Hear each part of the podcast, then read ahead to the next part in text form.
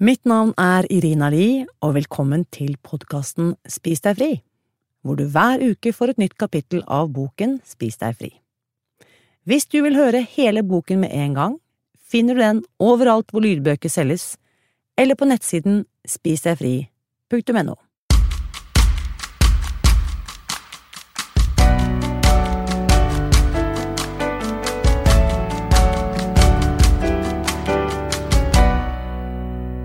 Kapittel 7 Automatikken – din nye bestevenn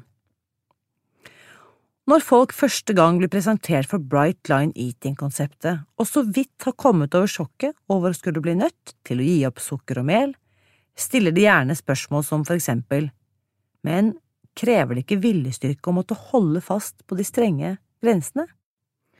Hvordan i all verden skal jeg klare det? Er ikke dette konseptet enda en diett som forteller meg hvilke type mat jeg ikke må spise? Jeg forsikrer dem at det absolutt ikke er noen hvilken som helst diett.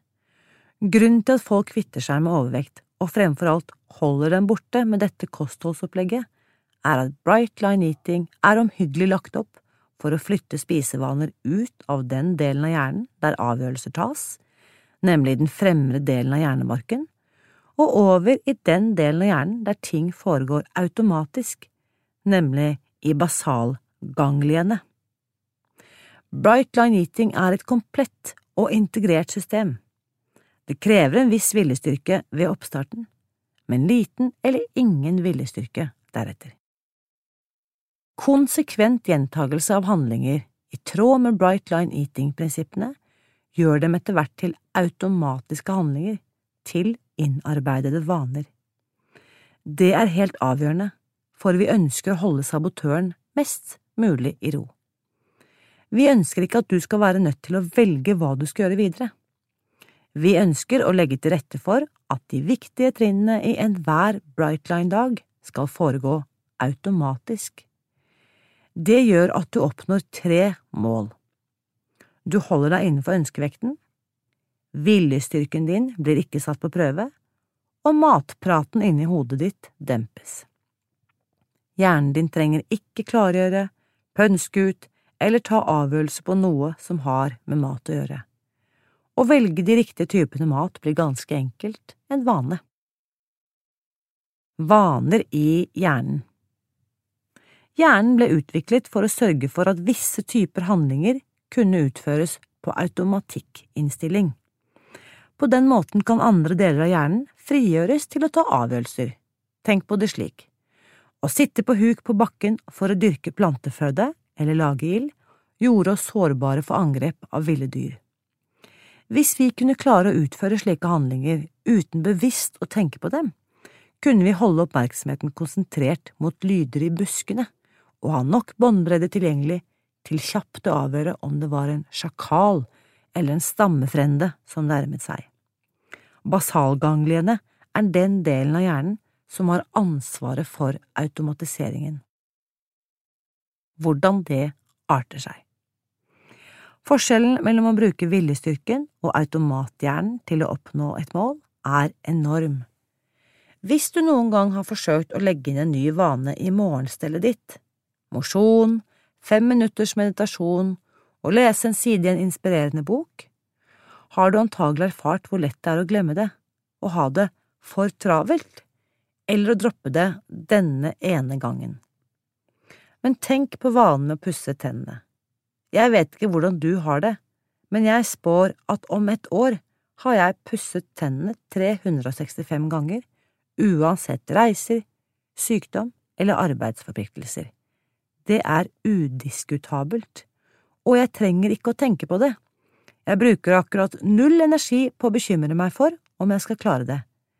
Så kan vi sammenligne med den holdningen mine tre døtre, Alexis, Zoe og Maya, har overfor den samme oppgaven. De trenger daglige påminnelser og godsnakking for å få gjort jobben. Hvorfor? Fordi oppgaven ikke er automatisert for dem ennå. Husker du da du nettopp hadde lært å kjøre bil? Og ditt første forsøk på å gli inn i trafikkflyten på en motorvei. Husker du hjertebanken du kjente, hvilket fokus det krevde? Nå kan du antagelig gjøre det mens du drikker en latte og samtidig skifter radiostasjon. Poenget er at så snart noe blir automatisert, frigjøres det enorme kognitive ressurser til andre ting. Du trenger ikke tenke på den aktuelle handlingen i det hele tatt for å kunne utføre den. Det beste av alt dette er at det etter hvert vil oppleves som ubehagelig ikke å utføre den innarbeidede handlingen som inngår i opplegget ditt. På et sent stadium i livet fikk en av mine venner en tannskinne til bruk om natten, og i to måneder hatet hun den. Nå klarer hun ikke å sovne uten. Det er ingen tvil. Det å investere noen få korte måneder på å manøvrere seg inn i nye vaner i Brightline-systemet, til handlingene går på automatikk, kan sammenlignes med å gi deg selv en gave som leveres på dørterskelen din hver dag resten av livet, et liv som lykkelig, slank og fri. Hvor lang tid tar det? Da kommer vi til spørsmålet om hvor lang tid det tar å danne ny vane. Hvor lang tid vil det ta fra du aktivt må minne deg på å veie maten, og sette deg ned ved bordet for å spise, og nærme deg et konditori uten å stoppe innom, til å gjøre alt sammen som helt selvfølgelige ting, uten å skjenke det en tanke? For å bruke meg selv som eksempel, jeg påstår at jeg lever et meget aktivt liv. Jeg tenker ikke mer på Bright Line-kostholdet enn jeg gjør på tannpussen. Jeg bare gjør det som skal til. Men jeg måtte investere for å komme meg dit. Saken er at målet mitt, å bli lykkelig, slank og fri, krevde at jeg i en periode måtte konsentrere meg veldig hardt om å få orden på matinntaket mitt. Jeg skulle ønske at det fantes en verden der folk som jeg, og kanskje du, kunne spise hva vi ville og når vi ville, hele tiden, og likevel leve opp til målet vårt. En slik verden eksisterte kanskje for tusen år siden, men dessverre, det er ikke den verden vi lever i nå. Så hvis du ønsker deg det som tilbys her, blir også du nødt til å investere en del energi i en periode for å få orden på matinntaket ditt.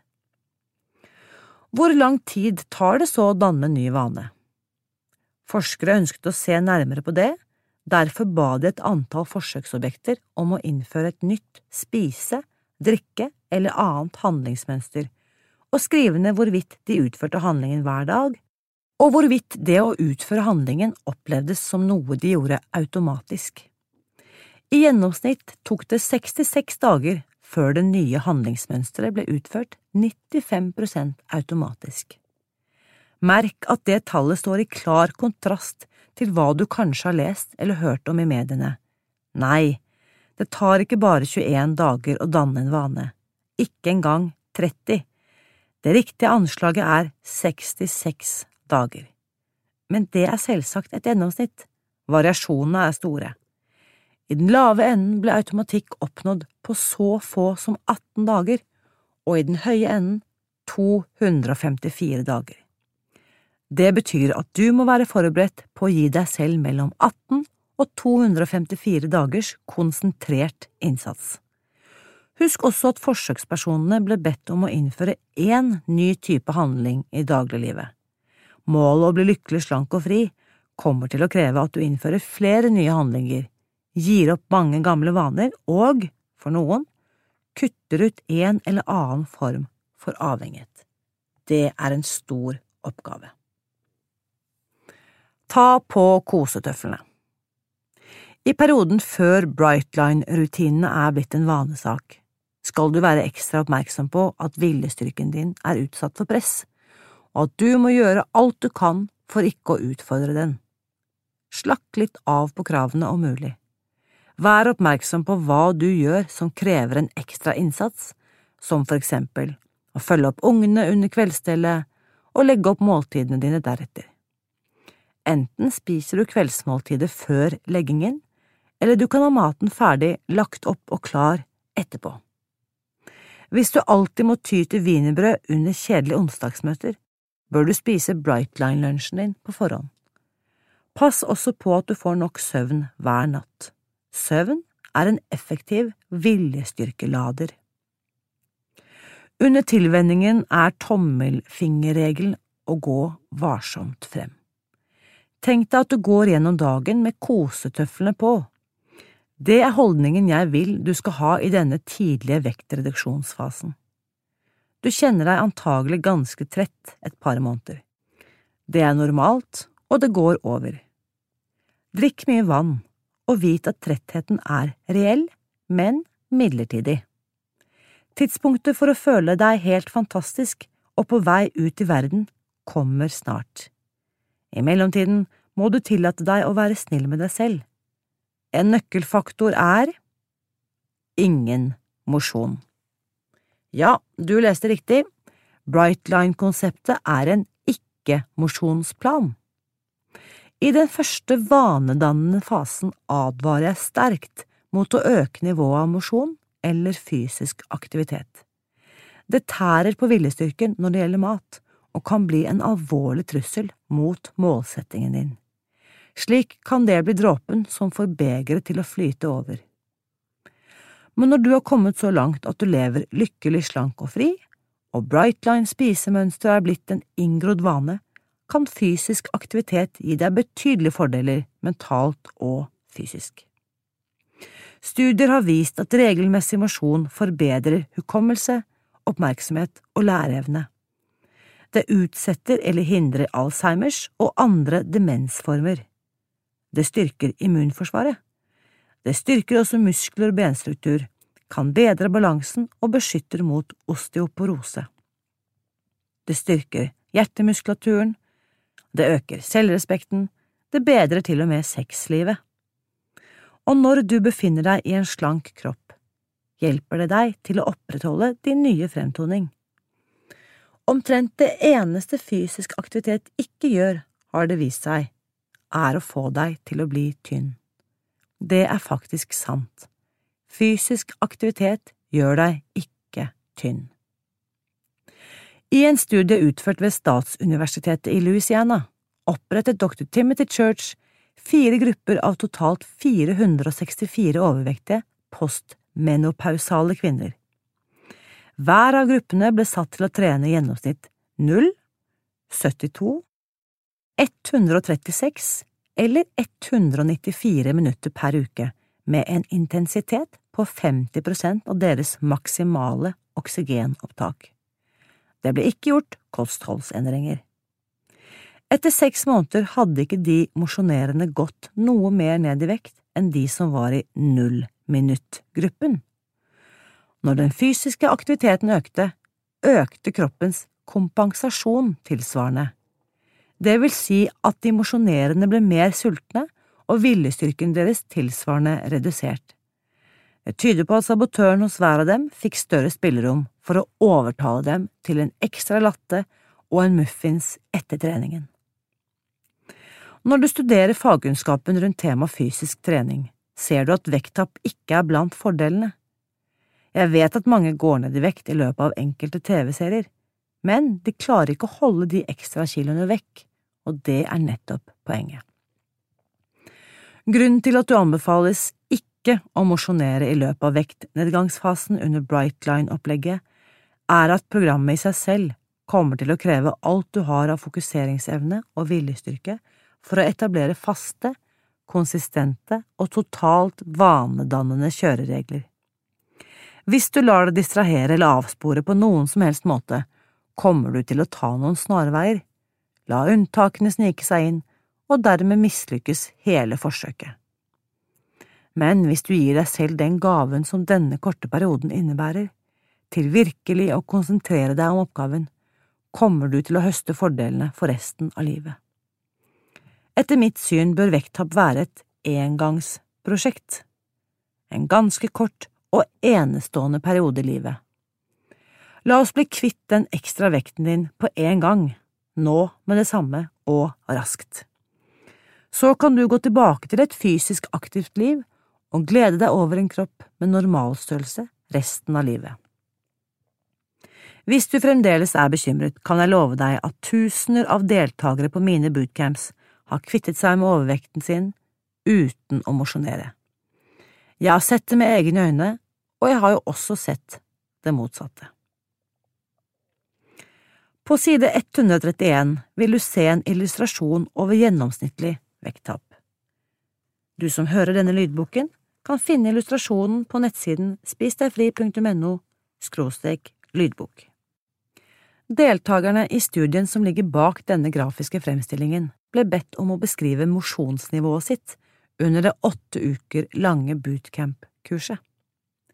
Som det går frem, hadde økt mosjonsnivå sammenheng med redusert vekttap i den perioden da de lærte seg nye spiserutiner og prøvde å innarbeide dem som automatiserte handlinger. Andre grupper har erfart det samme. I en studie ved Pennington Biomedical Research Center viste forskerne at i løpet av de første åtte ukene med diettopplegget gikk de ikke-mosjonerende ned omtrent 5 prosent av utgangsvekten, mens de mosjonerende bare gikk ned 3,5 prosent. Det er uansett viktig å merke seg at fysisk aktivitet er en del av patologien for mange av oss. Det er her det blir vanskelig, for mosjon er også en sunn og styrkende aktivitet, noe vi definitivt bør drive med. Men min erfaring er at mange aktive mosjonister, ikke alle, men mange, som melder seg på en Bright Line Eating Bootcamp, er ute å kjøre når det kommer til fysisk aktivitet. Å overdrive fysisk aktivitet for å kompensere for overspising kan skape avhengighet i seg selv, uten at utøverne er klar over det. Men forsøk å hindre dem, selv et par korte måneder, og nevrosene begynner å melde seg. Det vi vil oppnå gjennom Bright Line Eating, er å komme dit hen at mosjon blir verdsatt for sin egen del, for alle helsemessige fordeler den innebærer, men helt og fullt uavhengig av vektreduksjonstiltak. De to tingene har ikke noe med hverandre å gjøre. Det finnes visse unntak fra regelen om avholdenhet fra mosjon. Hvis du har holdt på med mosjonsaktiviteter hver morgen i 15 år, og gjør det like automatisk som når du pusser tennene, får du fripass av opplagte grunner. Da utfordres ikke viljestyrken, den kommer ikke til å ha noen innvirkning. Tilsvarende om du har fått en depresjons- eller angstdiagnose. Da kan fysisk aktivitet oppveie ulempene. En deprimert eller angstpreget hjerne kan hindre deg i å bryte hindringene. Her skal det for øvrig nevnes men merk at det blir mer om dette temaet i kapittel 15. At depresjon og eller angst kan overvinnes gjennom Bright Line Eating. Det er ikke et løfte eller en påstand, men en antagelse basert på min egen og mange andres erfaring. Automatikk Bright Line Eating er basert på gjeldende fagkunnskap om hva som er automatiserbart. Enkelte ting lar seg enkelt automatisere, andre ikke. Å lære seg å spise tre måltider per dag er en grei, automatiserbar handling. Å lære seg å spise seks måltider er mye, mye vanskeligere. Jo, da jeg var gravid med tvillingene, spiste jeg seks måltider per dag, men det var tøft. På det tidspunktet hadde jeg mange år med Bright Line-systemet under huden, og jeg gikk tilbake til tre måltider per dag så raskt jeg kunne fordi jeg ønsket å komme tilbake til automatikken. Seks måltider føltes som den rene sjongleringsøvelse. Når vi avviker fra kostplanen vår og fra handlingene og strategiene jeg skal beskrive for dere i del tre, gjør vi oss selv sårbare for viljestyrkefellen og sabotøren. Så enkelt er det. I del fire skal jeg lære deg når det er greit å avvike, som ved å flytte frukten fra lunsj til middag fordi vi skal i bryllup og foretrekker å spise frukt istedenfor kake. Det er en fornuftig strategi. Men det er en enorm forskjell mellom det å endre matsammensetningen én gang, eller fast på en strukturert måte, under svangerskap for eksempel, og det å bytte ingredienser og matkategorier daglig etter innfallsmetoden. Det fører galt av sted. For mange skjer det samme om de vurderer å øke litt på porsjonene. Det inviterer sabotøren til å prøve å overbevise dem om at de ikke har fått nok å spise. Tro meg, jeg vet det. Enkelte ganger reiser jeg uten å ta med meg kjøkkenvekten, og til de måltidene kan du være sikker på at sabotøren vil spørre om jeg trenger mer mat. Å veie unøyaktig er noe annet det må advares mot. Du må rett og slett sørge for at den vurderende, handlingsorienterende delen av hjernen din ikke skal involveres i det hele tatt. En invitasjon De kommende månedene blir du nødt til å avbryte haugevis av tidligere automatiserte handlinger og innføre haugevis av nye automatiserte handlinger. Det kommer til å kreve omtrent all den viljestyrke du har til rådighet for å klare å gjennomføre det effektivt. Hva det innebærer, er at du må gi deg selv plass. Sett ned tempo. Vær snill mot deg selv. Ta inn over deg at denne perioden med vektreduksjon kommer til å bli en unik, intens og på mange måter verdifull erfaring. Du gir deg selv en utrolig dyrebar gave. Hvis du strukturerer Bright Line Eating riktig, oppnår du til slutt automatiserte vaner som vil gi deg stort utbytte resten av livet. Da vil du oppleve at så godt som alle drømmer du har båret på, blir til virkelighet. Men hvis du ikke gir deg selv tiden som trengs for å gjøre det riktig, hvis du insisterer på å mosjonere for mye, jobbe for mye eller søke etter omveier og snarveier, blir ikke systemet innarbeidet ordentlig. Hvis du prøver å gjøre unntak her og der, kommer dette forsøket til å gå inn i vekttapshistorien din som enda et mislykket opplegg. Jeg inviterer deg til å bestemme deg, her og nå, for å forplikte deg til programmet slik det er lagt opp, uten slingringsmonn, uten unntak. Du må ha tillit. Det er på tide ikke å la deg stoppe. Det er på tide å gi deg selv denne gaven. Historier fra virkeligheten Inger Staubo, 65 år fra Setre Miljøvernrådgiver Jeg startet min runde med slankekurer da jeg var 18 år gammel. Da hadde jeg kommet tilbake etter et år som utvekslingsstudent i USA, med mye god mat og lite mosjon, og ti kilo tyngre enn da jeg dro. Etter at jeg fikk barn, la jeg på meg mer og slet med å bli kvitt de ekstra kiloene. I de påfølgende årene prøvde jeg et utall slankekurer, med lite hell. For hver runde med vektnedgang kom kiloene alltid på plass igjen, pluss litt til. Jeg har en lang universitetsutdanning i biologi. Som lektor og miljøvernrådgiver har jeg hatt et krevende og interessant yrkesliv, som jeg har klart greit. Hvorfor kunne jeg ikke da fikse min egen vekt like greit? Jeg visste jo alt som var verdt å vite om ernæring og slanking. Spesielt hadde jeg problemer med å begrense meg til én porsjon ved middagen, slutte å spise når jeg var mett, begrense meg til ett stykke kake og la godteskålen stå. Jeg elsket pasta, pizza og ost, og hadde alltid reservemat tilgjengelig i tilfelle jeg skulle bli sulten. Noen ganger ble jeg så mett at jeg måtte kaste opp. Da lurte jeg på om jeg kanskje hadde en spiseforstyrrelse.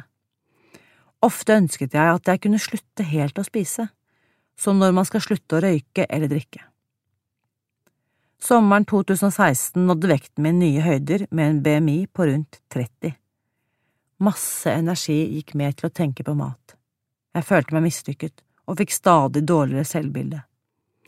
Noen følgeproblemer begynte å dukke opp, dårlige knær, søvnapné og snorking.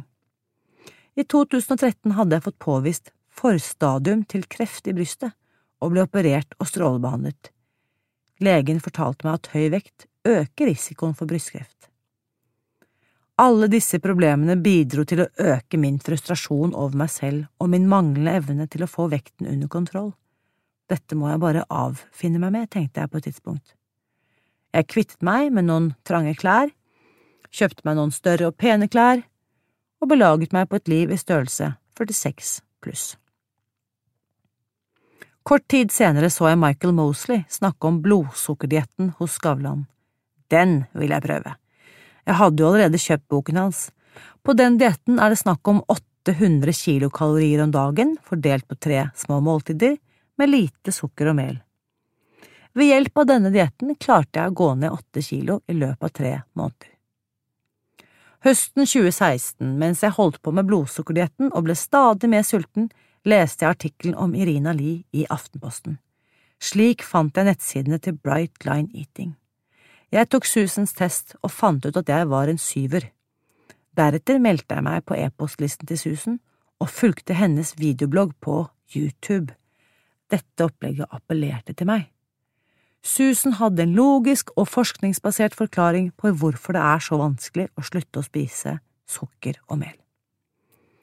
I løpet av julen 2016 klarte jeg å unngå å legge på meg takket være motivasjonen jeg fikk fra Susan.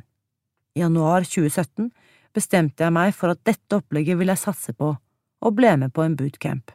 Siden har jeg ikke sett meg tilbake. Under vektnedgangen fulgte jeg opplegget 100% med unntak av noen få mengdeavvik når jeg var på reise og på restaurant.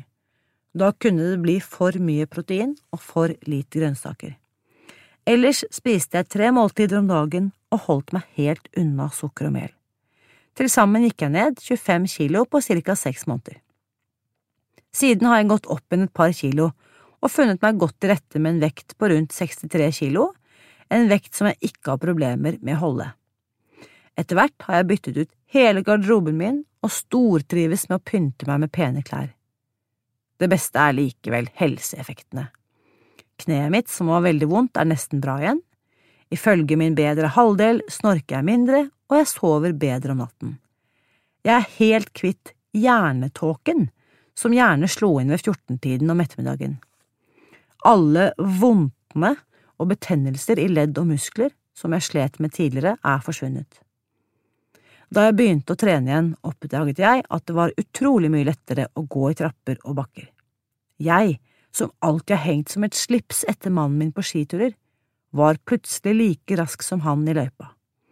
Nye felleski og en stilig skidress gjorde det ekstra morsomt. Jeg føler meg mye mer energisk og kan bruke energien min på andre ting enn å tenke på mat, samtidig som jeg koser meg når jeg lager den deilige Brightline Eating-maten. Etter middag tar jeg meg en kopp urtete og er som regel ikke fristet til å gå på kjøkkenet for å finne noe godt. Om kvelden skriver jeg opp neste dags måltider i matdagboken min og gjør klar frokosten for neste dag. Det er kjøleskapsgrøt som jeg tar med meg på jobben. På jobben har vi en salatbar hvor jeg bruker en sammenleggbar vekt for å måle opp riktig mengde protein, grønnsaker og korn. Det føles litt rart første gangen, men ingen har kommentert det til nå. Jeg trenger ikke å spise dessert selv om det serveres. Jeg føler ikke suget til søtsaker. Jeg har lært at sult mellom to måltider ikke er farlig, og vet at det oftest går over. Dessuten smaker neste måltid ekstra godt når man er ordentlig sulten, ikke bare sugen. Jeg er overrasket over hvor lett det har gått, og jeg er helt sikker på at jeg vil holde vekten resten av livet. De gangene jeg ikke har fulgt linjene mine 100% har jeg kommet fort tilbake til Bright Line Eating-maten. Mengder og innhold i måltidet er helt automatisert nå. Det hender jeg må minne meg selv på hvorfor jeg ikke spiser slik jeg gjorde før. Et øyeblikks nytelse kan nemlig ikke måle seg med den langsiktige tilfredsstillelsen det er å være lett og frisk i kroppen, og å være fornøyd med meg selv.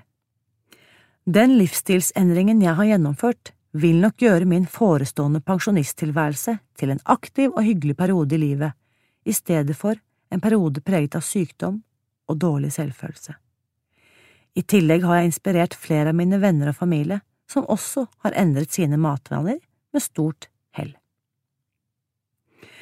Du finner mer informasjon om Susans amerikanske bootcamp på nettsidene www.spisdegfri.no bootcamp for informasjon om norske nettkurs, sjekk www.spisdegfri.no skråstrek kurs. Del tre. Veikartet.